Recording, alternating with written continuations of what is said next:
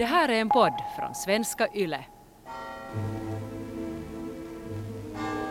Kun tytöt siunattiin viimeiseen lepoon Jyväskylässä Taulumäen kirkossa, hiljentyi koko kaupunki kunnioittamaan heidän muistoaan. Valtiovaltaa edusti sisäministeri Eino Palovesi. Asessori Jorma Sipilä siunasi nuoret vainajat viimeiseen lepoon.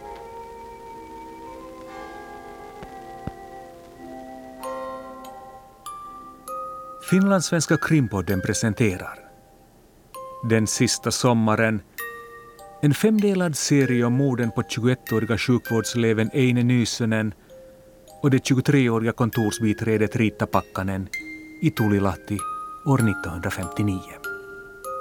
Del 5.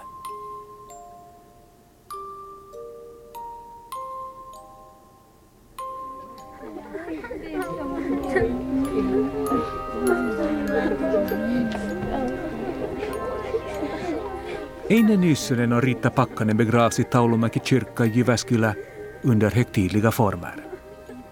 Hela staden verkar följa de unga kvinnornas sista färd. Kyrkan är proppfull av sörjande ortsbor och utanför står tusentals nyfikna som väntar på att kistorna ska föras i procession till gravgården. Surumarssin soidessa kantoivat sairaanhoitooppilaat Eine Nyyssösen ja lähimmät omaiset Riitta Pakkasen paarit kirkon ovelle, mistä lähiomaisten muodostama saattojoukko kantoi ne edelleen.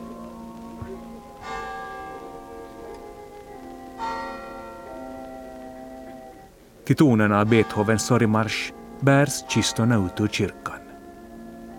Eine Nysönens kista bärs av studiekamrater från sjukvårdsskolan och Rita Pakkanens av hennes sörjande släktingar. Utanför kyrkan överlåter sjukvårdseleverna kistan åt Eine Nysönens släktingar och i samlad trupp bär sedan släktingarna de två kistorna fram till gravplatsen 500 meter längre bort. Allt medan 8000 ögonpar följer med den dystra processionen.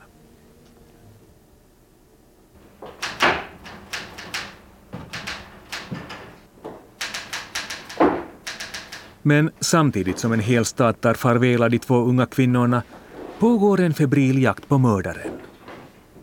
I färskt minne finns mordet på Kyllikkisaari år 1953 och polisens misslyckade utredning som gjorde att hennes mördare fortfarande gick fri. När inrikesminister Reino Palovesi går ut i radion och säger att Nysserens och Pakkanens mördare den här gången minsann ska hittas och ställas till svars för sina handlingar så höjs trycket på polisen ytterligare. Ruumislöytöjen jälkeen aloitettiin Tulilahden leirialueella laajat etsinnät ja tutkimukset, joista tässä on kuvavälähdyksiä vuorokausi hautalöydön jälkeen. Etsintöihin osallistui lähes 300 paikakuntalaista. Mikkelin lääninrikospoliisin miehet eivät ole juttua tutkiessaan joutaneet lepäilemään. Tässä komissario Martti Tarvainen ja ylietsivä Ahti Pantsar. Etsivä Hietalahti on myös tehnyt tarmokkaasti työtä. Man kan kanske tycka att det är både respektlöst och utredningsmässigt ansvarslöst att låta en filmgrupp kliva omkring på en mordplats bara ett dygn efter dådet. Men år 1959 hade polisen väldigt lite erfarenhet av spaningsarbete, van som den var att ta hand om stölder och våldsbrott i hemmen. Typiskt var det här vålds och egendomsbrottslighet som dominerade brottsstatistiken i Finland. Stölder och liknande.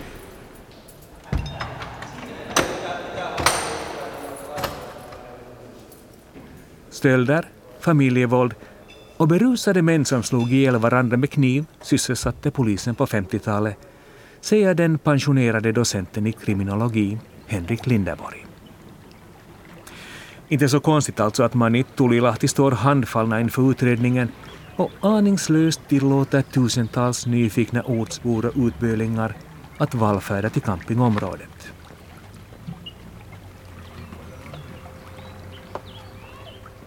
Inte heller förhör med ortsbor och vittnen ger resultat. Polisen anhåller en rad män som rört sig på området. En gravgrävare som bor intill lägerområdet tre bröder som också bor i närheten och Keijo och Heikki som tillbringade den sista kvällen tillsammans med offren.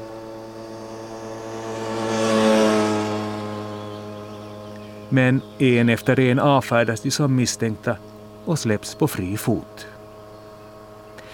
Keijo berättar ändå under förhören att han sett en mystisk mopedman som rört sig i Tulilahti den kvällen som kvinnorna blivit mördade.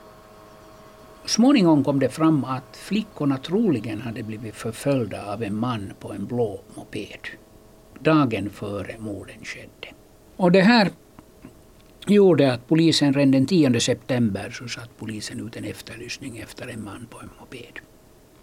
Och då i samband med det här så tydligen börjar Runars bror Arne plötsligt berätta underliga historier i Munsala i Kantlax. På något sätt kom de här historierna vidare till kriminalpolis eller kommissarie vid det här laget, Axel Skogman i Vasa, som blev intresserad. Mannen som utpekas av sin bror som eventuell misstänkt är småtjuven Runar Holmström. En man från Munsala som redan har en del på sitt samvete, säger Magnus Öhman som nyligen skrivit en bok om Runar Holmström. Han stal spikar, han stal kläder, han stal det ena med det andra. Sådana små saker under 40-talet, alltså mellan 1940 och 1945 egentligen, eller 44. Och det här gjorde han i huvudsak tillsammans med sin bror Arne. Det var båda två lika goda kålsupare på det här. På det här. Och det här ledde då sen småningom till att de båda två blev dömda 1945. Steget från en småtjuv till en dubbelmördare är onekligen långt. Men i Magnus Öhmans bok Runar Holmström, Tulilahti-mördaren får man som läsare ta del av hur Runar begår allt grövre stölder, även gör sig skyldig till våldsbrott, tilldöms fängelsestraff och under långa perioder på 50-talet bor på olika håll i Finland under falsk identitet för att undkomma polisen.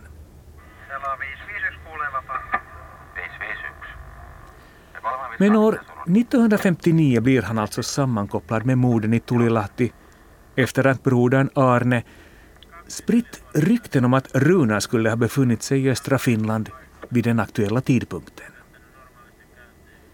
Vasapolismannen Axel Skogman som medverkade i utredningen av Kyllikkisaris mord ser i sin tur ett samband mellan mordet i Österbotten år 1953 och de nya morden i Tulilahti.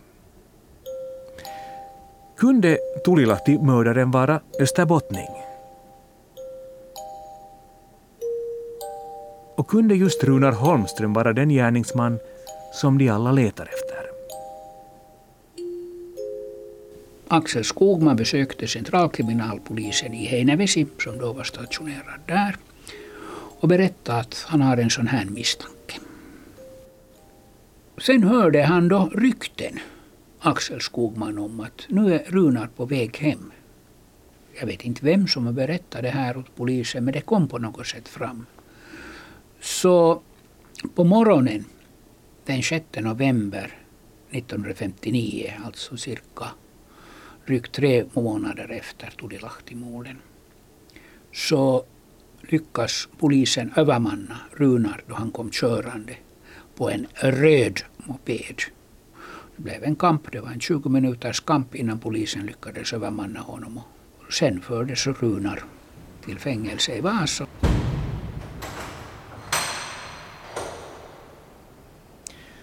Nu har utredningen fått en huvudmisstänkt trots att det finns många faktorer som talar för att Runar inte är den mördare som polisen söker.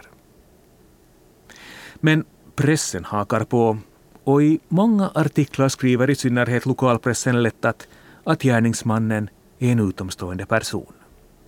Heinävesi var en liten kommun och nu kom det någon som var från västra Finland och det där från någon liten ort som hette Munsala som de aldrig ens hade hört om. Det var säkert en lämplig person och han hade dessutom en mycket bra bakgrund för att vara skyldig. Han var en brottsling. Runar Holmström var en tjuv med många fängelsedomar bakom sig. Men var han verkligen en mördare? Småningom så blev det klart att de misstänkte honom för de här brotten i Tulilahti. Och då fördes han av polisen, Vasapolisen, fördes med bil till Heinävesi där polisen hade ett högkvarter. Och där fick han tillbringa två dagar. Och så tog polisen in i sitt högkvarter som var gamla folkskolan. Så tog in de som eventuellt hade sett den här så kallade mopedmannen. Så fick de stå i ett fönster och titta ut. Och fick de säga om den man som polisen leder där ute, är han möjligen mopedmannen som ni har sett?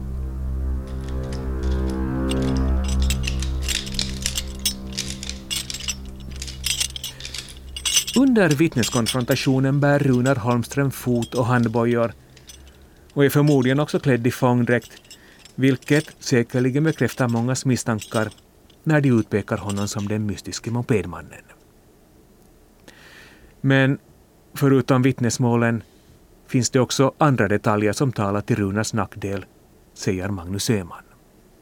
Sen då de hade varit där två dagar så fördes Runar tillbaka till Vasa, ett länsfängelse där. Och i bilen satt fyra poliser med honom, bland dem då Axel Skogman. Och då försökte polisen pumpa vidare så mycket som möjligt ur Runar. Och Runar ville veta vad hade vittnena sagt. Och då började Runar berätta om att han hade följt efter de här flickorna.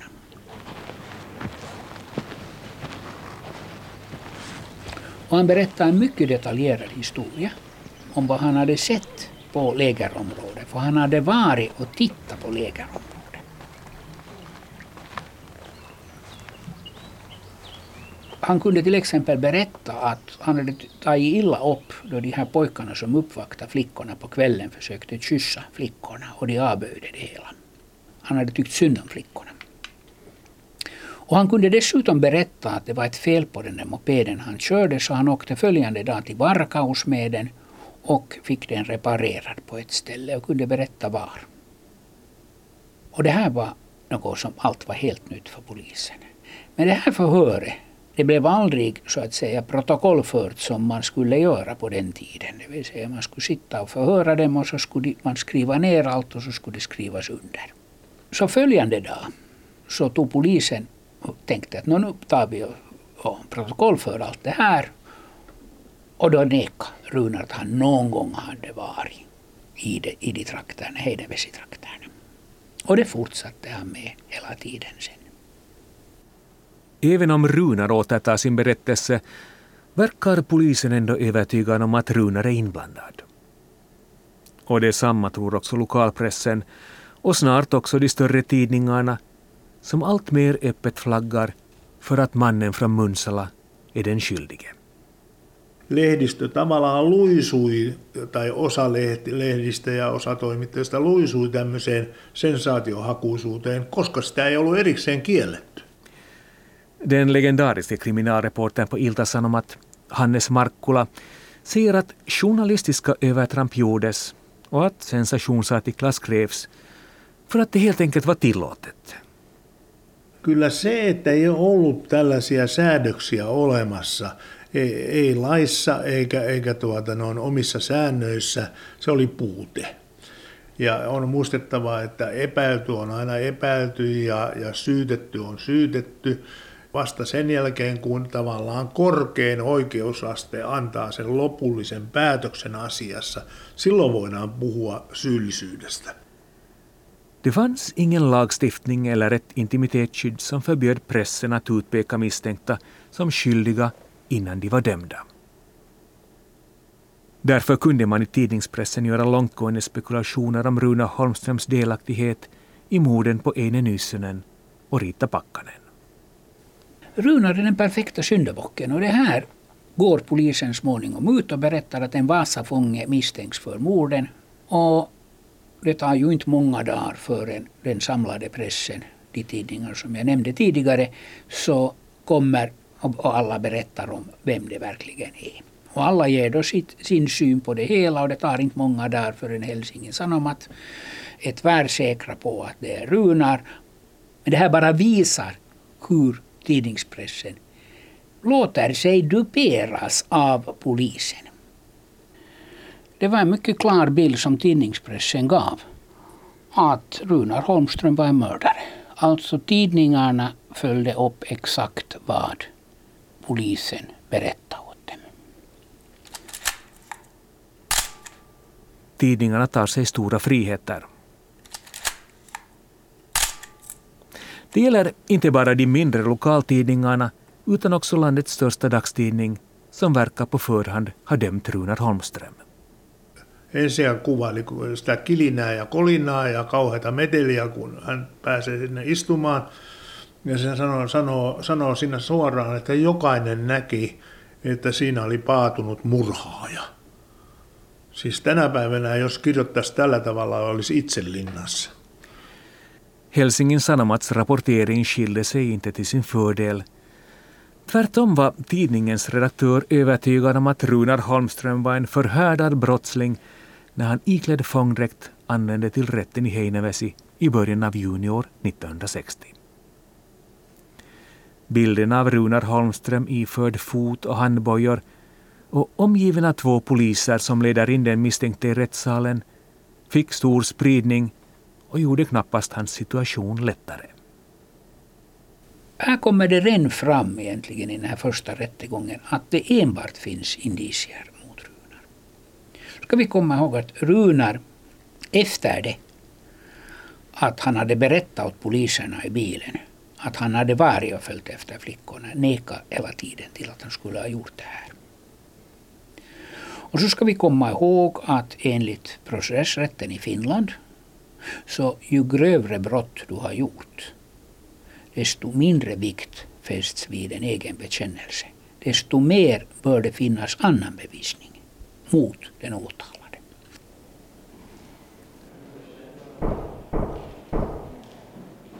Nu är det då frågan om vad har polisen egentligen för bevisning mot Runar?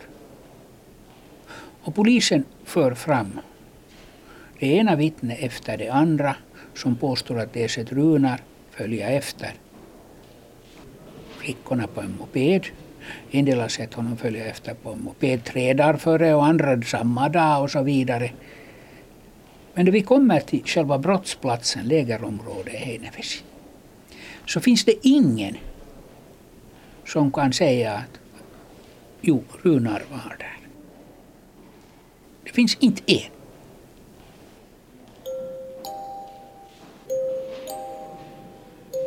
Den tekniska bevisföringen mot Runar är skral och under de tre domstolssessionerna sommaren 1960 framkommer inget som entydigt kan binda Runar Holmström vid dådet. Men till en sinnesundersökning kan domstolen ändå förpassa honom. Jag bör kanske nämna nu här att Runar aldrig blev dömd för morden i Tulilahti. Orsaken till det var att det var före i augusti, så beslöts efter en lång överläggning av rätten att bara förpassa Runar till sinnesundersökning. Det här var helt normalt på den tiden. De behövde inte säga någonting om var den som förpassades skyldig eller inte. Runar Holmström skickas tillbaka till länsfängelset i Vasa. Han är inte dömd men i allmänhetens ögon framstår han ändå som skyldig. Man kan gott föreställa sig Rune Holmströms utsatta läge. Tidningspressen och allmänheten har redan dömt honom och även om han undgår en juridisk dom väntar förmodligen en mångårig vistelse på någon sluten anstalt. 1960 väljer han att ta sitt eget liv. Då ska vi komma ihåg att han har försökt göra självmord Bland annat då han skulle bort från, då han inte ville in till fronten. Han skrev i brev 1945 att han helst skulle ta sitt liv. Han försökte flera, alltså flera gånger efter antytt det och han försökte det under fängelsetiden efter det han blev fast 6 november 1959 fram tills det kommer till Heinevesi, så försökte han en gång ta sitt eget liv. Och gjorde ett gott försök också med ett annat. Men nu först lyckas han då. Så det är ingen det är ingen oförklarligt att han tar sitt eget liv. Och jag tror inte att vi ska tro att han tog sitt eget liv på grund av att han tänkte skuld. Att han var skyldig till de här, liv, till de här brotten i Heinävesi. Det tror jag inte. Utan det här var bara en del av helheten med Runar.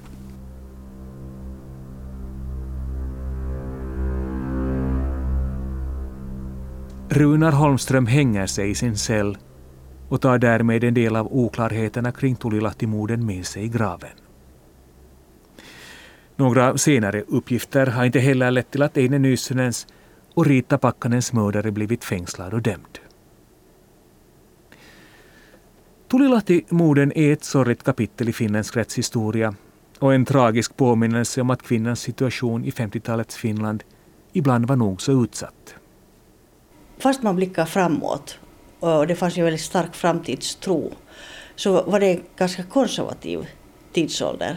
Där man på sätt och vis, liksom, det finns ju till och med undersökningar som har visat att liksom, om man tittar liksom i damtidningar på 30-talet så skulle kvinnor lära sig flyga och liksom vara ute på äventyr. Och sen går det tillbaka efter kriget och då poängterar man en sån här, en sån här hyperkvinnlighet. Eh, och det är då det här, liksom, man tänker på smink och kläder och så här, hur, hur en kvinna på 50-talet skulle se ut, så var det ju så här väldigt, väldigt kvinnlig. Det fanns liksom inte liksom, äventyrslusta överhuvudtaget. Folkloristen Lena Marander Eklund har undersökt kvinnoliv på 50-talet och betonar hur moderskap och traditionellt familjeliv igen värdesattes. 30-talets och krigsårens emancipation var borta och kvinnan skulle igen behaga mannen. 50-talet kännetecknades av en viss sexualisering av kvinnan men också av en prydhet. Och det är så här en dubbelhet, att det är, så, det är både och. Speciellt kanske den gifta kvinnan sexualiserades medan liksom det fanns också en prydhet. Och på något vis tanken om att kvinnan skulle liksom vara den som uh, upprätthöll en viss liksom moral Två äventyrslystna och självständiga kvinnor som beger sig ut på cykelsemester strider mot alla rådande 50-talsnormer om att kvinnan ska stanna hemma och passa upp sin man. Eine Nysenen och Rita Pakkanen måtte i mångas ögon ha framstått som både dumdristiga och ansvarslösa när de utmanar tidens moraluppfattning genom att ensamma bege sig på cykelsemester.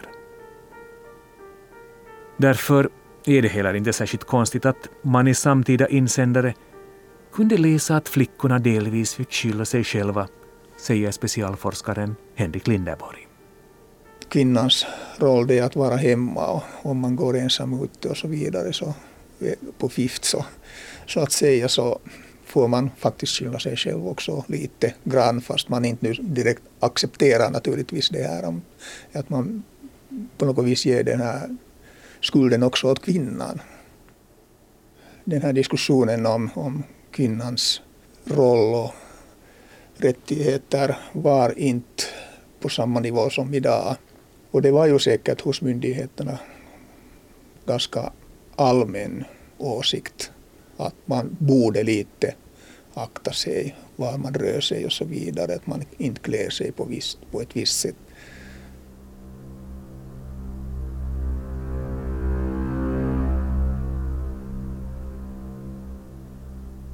Det finns många offer i den här berättelsen.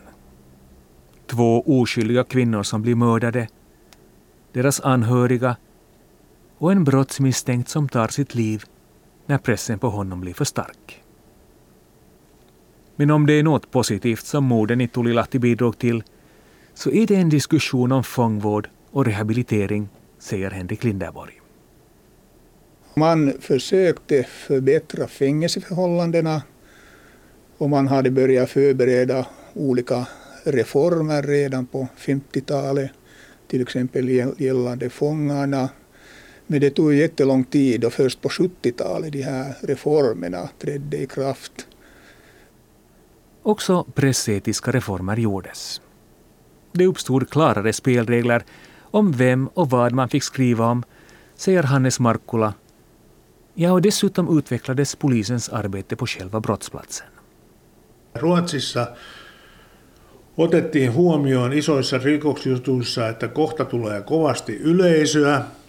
Yleisö jätetään sinne taustalle ja tuodaan semmoiset rautaportit sinne ja lehdistö ja valokuvaajat päästetään rautaportille saakka ja sitten poliisi ja ambulanssimiehistö ja muut saavat työskennellä siellä rauhassa. Inspiration hämtades från Sverige med avgränsade områden dit allmänheten eller pressen inte hade ärende. Men för att lindra de anhörigas nöd eller för att tillföra utredningen de saknade pusselbitarna kom reformerna ändå allt för sent. Mordet på Eine Nysenen och Rita Pakkanen har aldrig blivit uppklarat och Runar Holmströms andel började tidigt också ifrågasättas i tidningspressen. Det tog ett par år och sen började vissa tidningar sen fundera på att var han verkligen skyldig? För att det blev ju ändå, det blev ju aldrig uppklarat det här.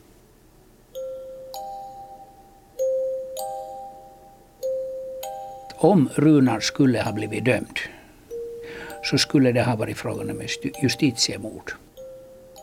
Med den bevisning som fanns mot Runar så skulle det faktiskt ha varit ett mycket gravt misstag.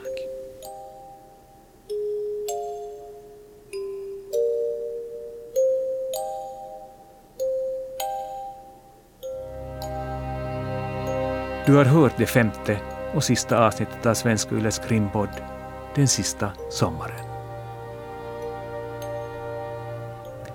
I programmet medverkade den pensionerade kriminalreportern Hannes Markkula, folkloristen Lena Marander Eklund, den pensionerade specialforskaren och docenten i kriminologi Henrik Linderborg och vice häradshövdingen Magnus Öhman som skrivit en bok om Runar Holmström. Producent var Staffan von Martens, dramaturg Are Nikkinen, för ljuddesignen stod Jyrki Häyrinen och jag som står för manus och regi heter Petter Lindberg.